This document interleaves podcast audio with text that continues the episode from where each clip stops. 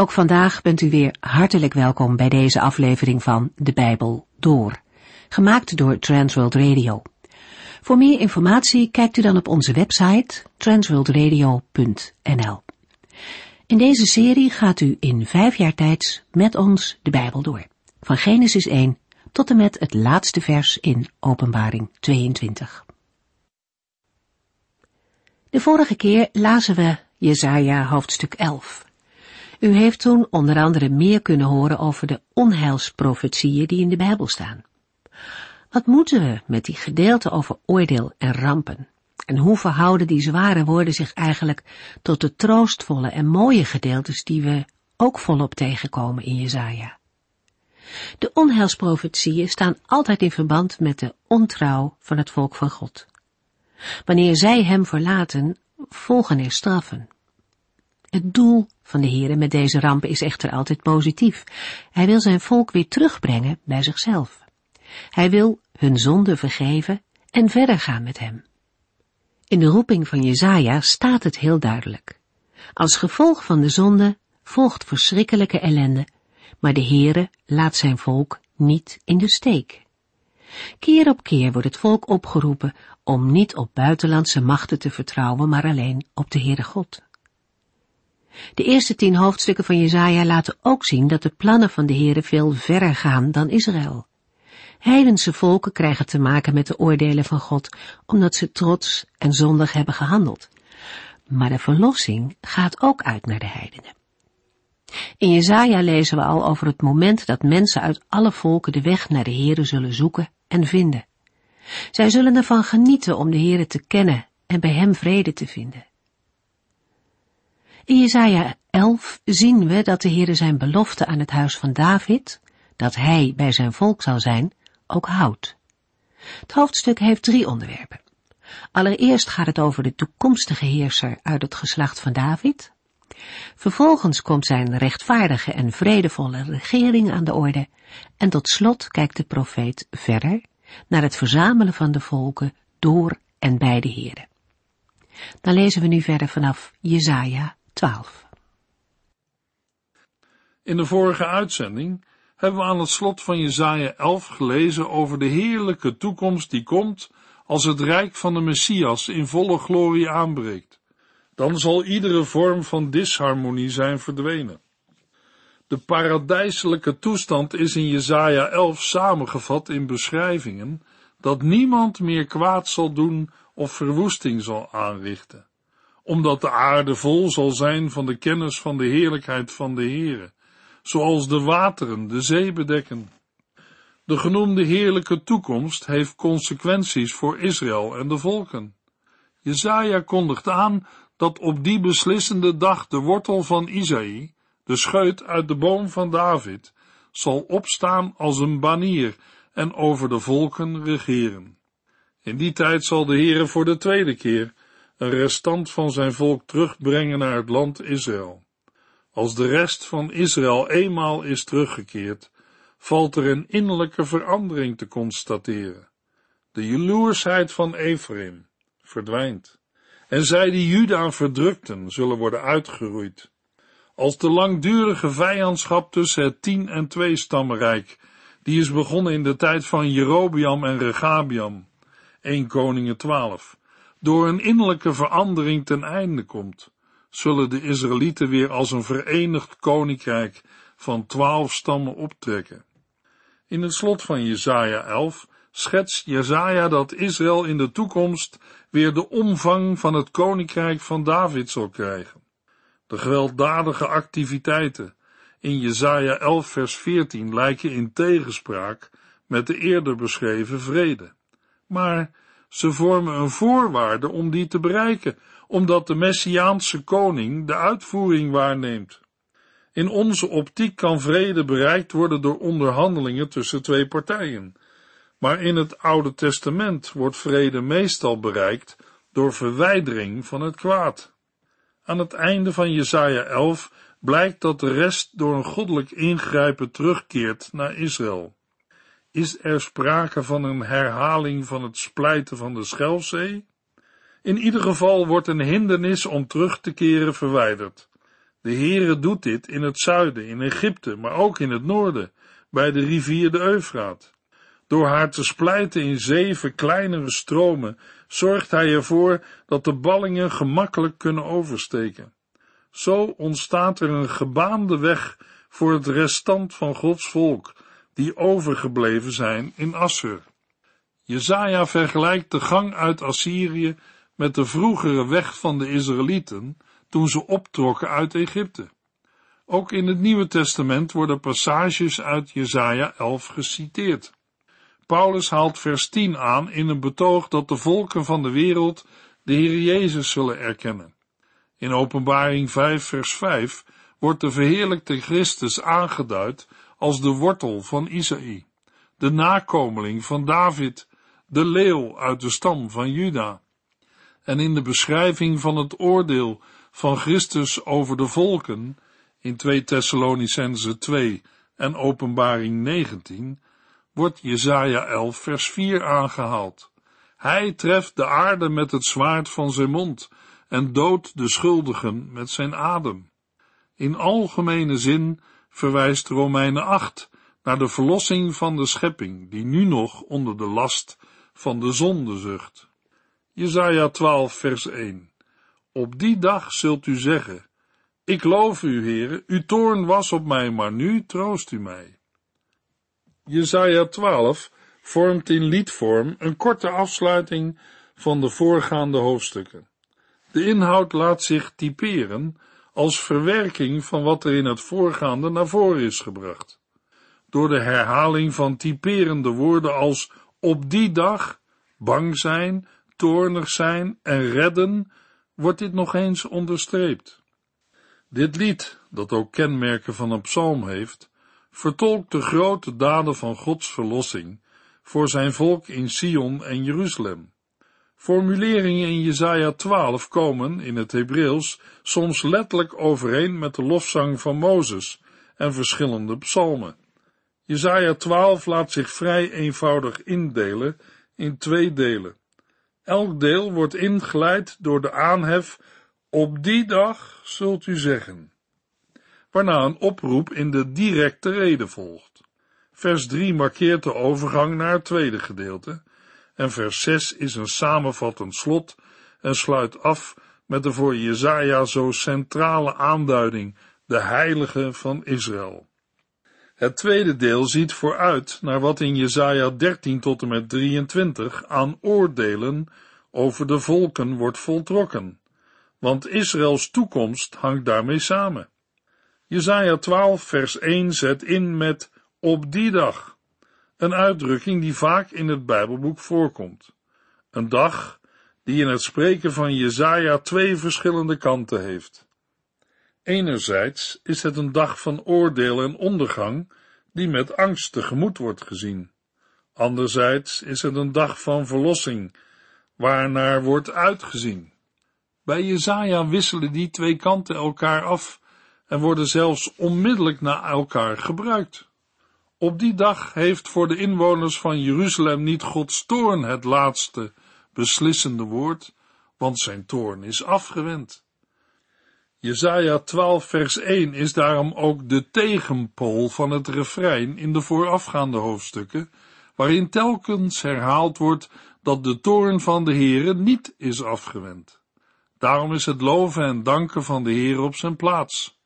Danken of loven is een werkwoord dat regelmatig in de liederen van het Oude Testament wordt gebruikt.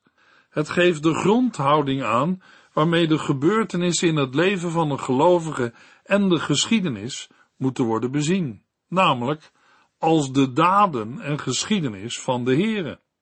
De Heere was toornig, zoals in de vorige hoofdstukken is gebleken, maar nu is zijn toorn afgewend en troost de Heere zijn volk. Jesaja 12 vers 2 Kijk, God is gekomen om mij te redden. Ik zal vertrouwen en niet bang zijn, want de Heere is mijn kracht en mijn lied, hij is mijn heil. Vers 2 richt zich op wat de Heere voor de zanger zelf betekent, zijn heil, kracht en lied. Opmerkelijk is de bijna letterlijke overeenkomst met de lofzang van Mozes. Vers 2 vormt de verbindende schakel met het vorige hoofdstuk. In Jesaja 11 wordt in beelden die herinneren aan de uittocht uit Egypte een nieuwe uittocht geprofeteerd. Jesaja 12 vormt het danklied op deze uittocht.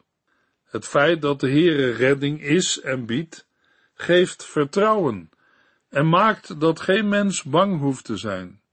Woorden die nu niet geformuleerd zijn als een belofte, maar als een ervaren werkelijkheid, die daarom wordt beleden en geprezen, want de Heere is mijn heil. Jesaja 12 vers 3 Wat is het een vreugde om te drinken uit zijn fontein van heil. Hier wordt de Heer in beeldspraak beschreven als de bron van het heil, waarin het volk zich verheugt. Vers 3 vormt de verbindende schakel tussen het voorgaande vers en de volgende verse. Vreugde en heil laten zich enerzijds gemakkelijk verbinden met de beleidenis in de eerste versen.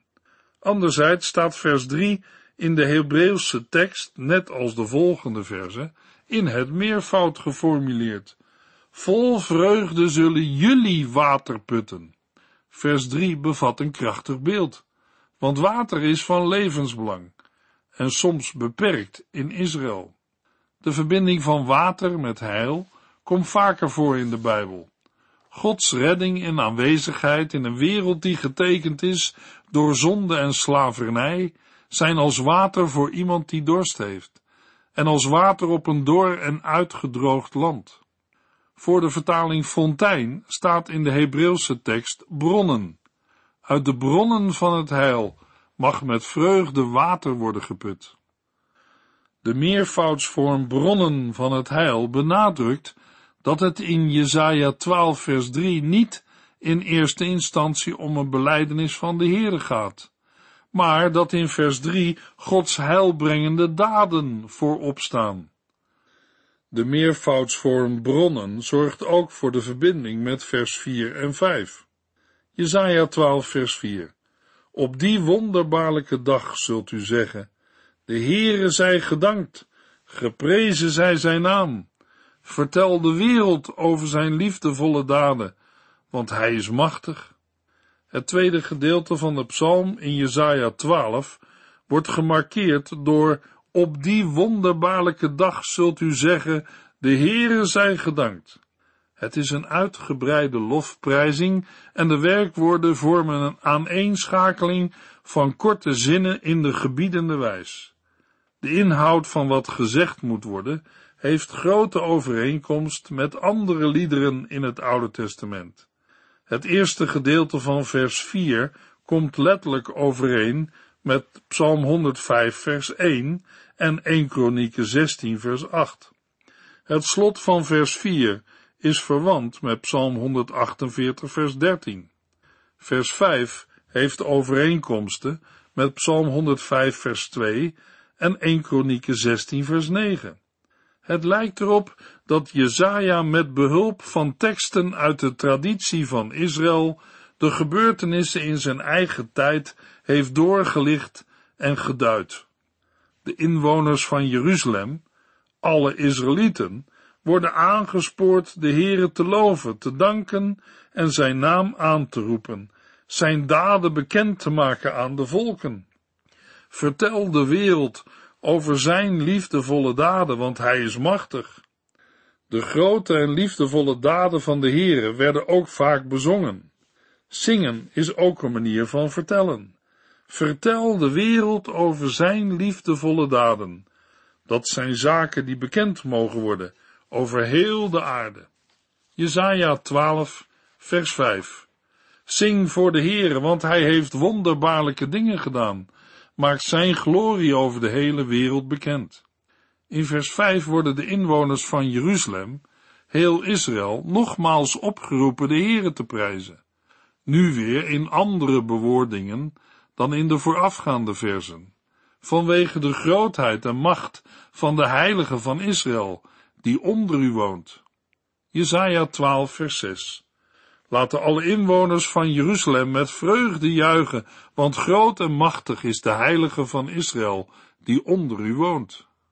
De Hebreeuwse tekst eindigt met de zinsnede, de heilige van Israël. De woorden vormen een weloverwogen afsluiting van het lied en tegelijkertijd van de hoofdstukken 1 tot en met 12. De Heere onderscheidt zich van al het menselijke en van alle afgoden. Zijn heiligheid, die ook afstand kan aanduiden, is in Jesaja 12 bron van hoop en troost, want de Heer is met zijn volk Israël verbonden.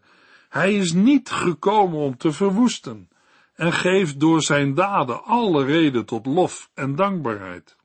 Dit korte lied in Jesaja 12 ziet uit naar een toekomstige dag en beschrijft hoe die dag zal zijn.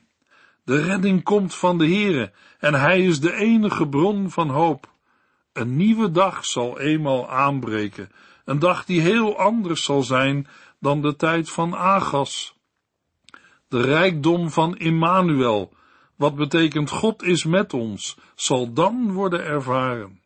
Hij is alle vertrouwen waard. Het volk Israël zal dan overweldigd worden door Gods goedheid en hem bezingen en verkondigen onder de volken. De Heere groot maken in een eredienst en het vertellen van zijn grote daden aan anderen zijn twee kanten van dezelfde zaak.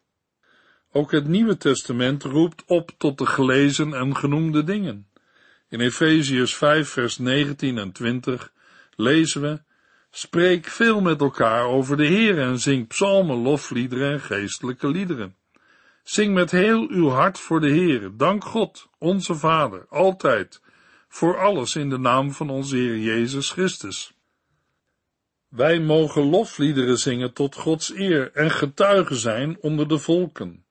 Daarbij moeten Gods daden niet alleen worden geproclameerd, maar mogen buitenstaanders ook worden genodigd tot het heil in Jezus Christus. Laten alle bewoners van de aarde met vreugde juichen, want groot en machtig is de heilige van Israël. Luisteraar, hoort u bij deze juichende mensen? Juicht u straks mee met de scharen die niemand tellen kan, die ontelbare menigte mensen uit alle rassen, volken, stammen en taalgroepen? Zij zullen voor de troon staan en voor het lam, met witte kleren aan en palmtakken in de hand. Zij roepen luid, onze redding komt van onze God die op de troon zit en van het lam. Alle engelen stonden om de troon, de ouderlingen en de vier levende wezens. Zij lieten zich voor de troon op de knieën vallen, met hun hoofd voorover en aanbaden God. Amen, zeiden zij, alle lof, heerlijkheid, wijsheid en dank, alle eer, macht en kracht is voor onze God voor altijd en eeuwig. Amen. Jesaja 13, vers 1. Dit is de profetie die God aan Jesaja, de zoon van Amos, over Babel gaf. Met Jesaja 13 zijn we aangekomen bij het derde subdeel van het eerste hoofddeel van het Bijbelboek Jesaja. Het eerste hoofddeel bestaat uit Jesaja 1 tot en met 39 en gaat over Jesaja en zijn tijdgenoten. Het is onderverdeeld in zes subdelen. Ik noem de eerste drie, namelijk Jesaja 1 tot en met 5, met als onderwerp gericht over Israël en herstel. Jesaja 6 tot en met 12, met als onderwerp persoonlijke ervaringen van Jesaja van verharding tot heil. Jesaja 13 tot en met 23 is het derde subdeel en gaat over het oordeel over de omringende volken. In voorgaande hoofdstukken heeft Jezaja de koning van Juda aangespoord zijn vertrouwen op de Here te stellen en niet te bouwen op aardse machthebbers. Want de bedreigingen van het tien stammenrijk en Damascus zullen voorbijgaan. En ook Assur valt uiteindelijk onder Gods oordeel. Verder zal ook Juda een ernstig gericht ondergaan. Veel van deze thema's komen weer terug in Jesaja 13 tot en met 23.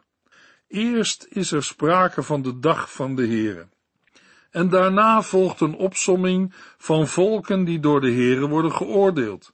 Te weten Babel, Assyrië, Filistea, Moab, Damascus, Ethiopië, Egypte, Babel en zijn bondgenoten, Jeruzalem en Tyrus. Het is moeilijk een duidelijke ordening te ontdekken in deze opsomming. In ieder geval staan de grootmachten aan het begin. Verder worden volken genoemd die in de tijd van Jezaja verslagen zijn door de Assyriërs, of korte tijd later veroverd worden. Ook worden volken genoemd die Babel steunen in het verzet tegen de Assyriërs. De profetieën zijn vooral bestemd voor Juda, dat moet leren dat al deze volken onder het oordeel van de Heere staan. De hoofdstukken geven daarmee antwoorden op de vragen die in de voorafgaande hoofdstukken gerezen zijn. Kan de Heer zijn volk bevrijden van de macht en het uiterlijk vertoon van de wereld? Is hij in staat de belofte van Jezaja 11 te realiseren? En is het lied van Jezaja 12 gerechtvaardigd? De onheilsboodschappen hebben vooral de bedoeling om Israël te wijzen op het feit dat zij hun vertrouwen op de Heere zullen stellen. Het opschrift noemt de profetie over Babel gezien door Jezaja, de zoon van Amos. In de Hebreeuwse tekst vinden we voor het woord profetie de uitdrukking last. Het staat voor een boodschap die over Babel wordt uitgesproken, een oordeel dat Babel moet dragen. In Jesaja 13 tot en met 23 staat alleen in Jesaja 13 vers 1 de naam van Jesaja. Wellicht is zijn naam toegevoegd omdat er met Jesaja 13 een nieuwe en belangrijke literaire eenheid begint.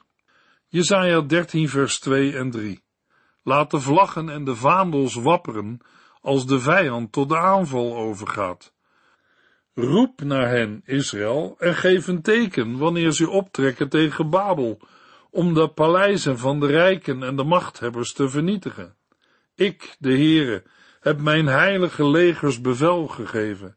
Ik heb mijn helden opgeroepen, mijn vonnis te voltrekken. Ze juichen over mijn overwinning.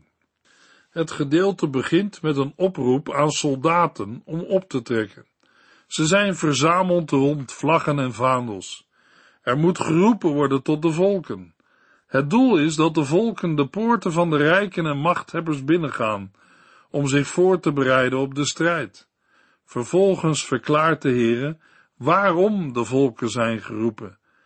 Hij heeft zijn heilige legers geroepen met het oog op de uitvoering van zijn vonnis. De strijders zijn geheiligd, in de zin van apart gezet tot de strijd.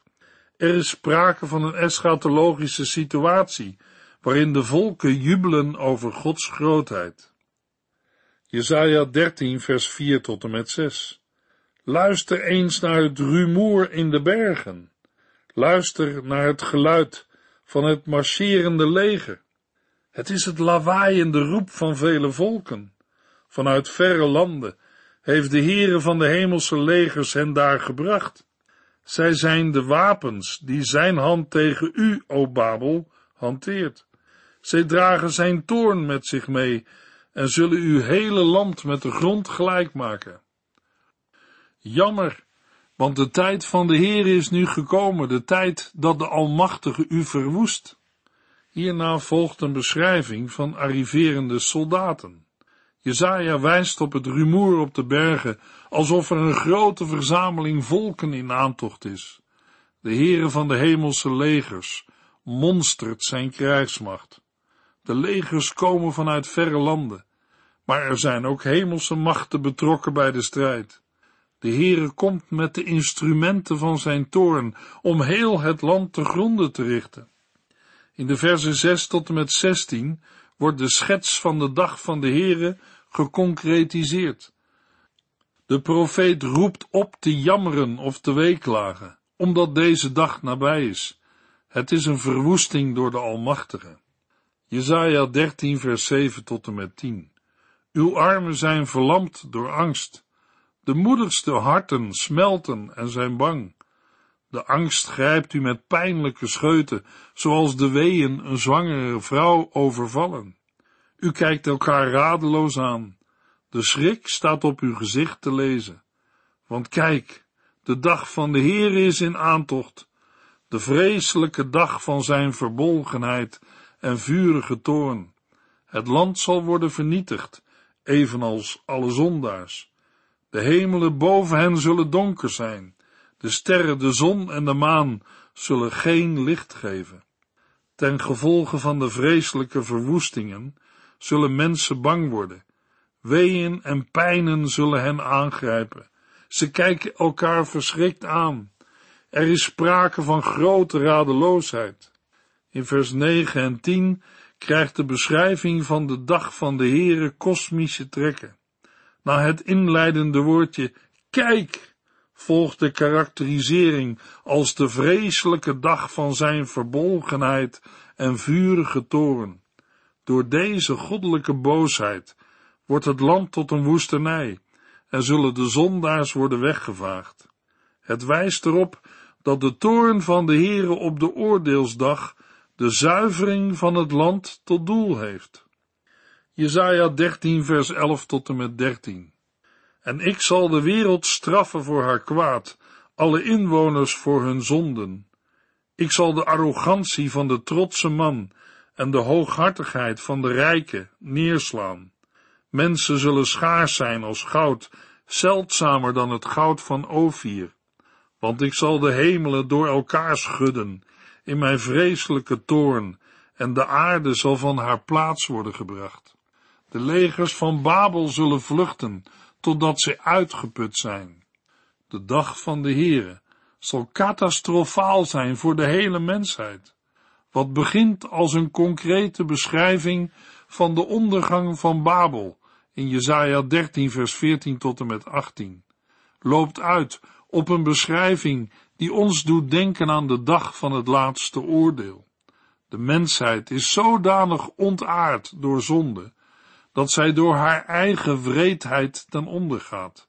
Op de aangekondigde dag laat de Heere toe dat de zondige aard van mensen ten volle openbaar wordt in allerlei onmenselijke wreedheden. In de volgende uitzending lezen we verder in Jesaja 13. U heeft geluisterd naar De Bijbel Door, in het Nederlands vertaald en bewerkt door Transworld Radio. Een programma waarin we in vijf jaar tijd de hele Bijbel doorgaan. Als u wilt reageren op deze uitzending of u heeft vragen, dan kunt u contact met ons opnemen. Tijdens kantooruren kunt u bellen op 0342 47 8432 0342 47 8432 32. Ook kunt u een e-mail sturen naar de Bijbel door at transworldradio.nl en natuurlijk kunt u ook via de post ons bereiken. TWR, postbus 371, postcode 3770, AJ in Barneveld. Dit programma werd gepresenteerd door Cor Weda en Ike André. Techniek was in handen van Odin van Voorkom. En wij allemaal bedanken u voor het luisteren. Graag tot de volgende keer.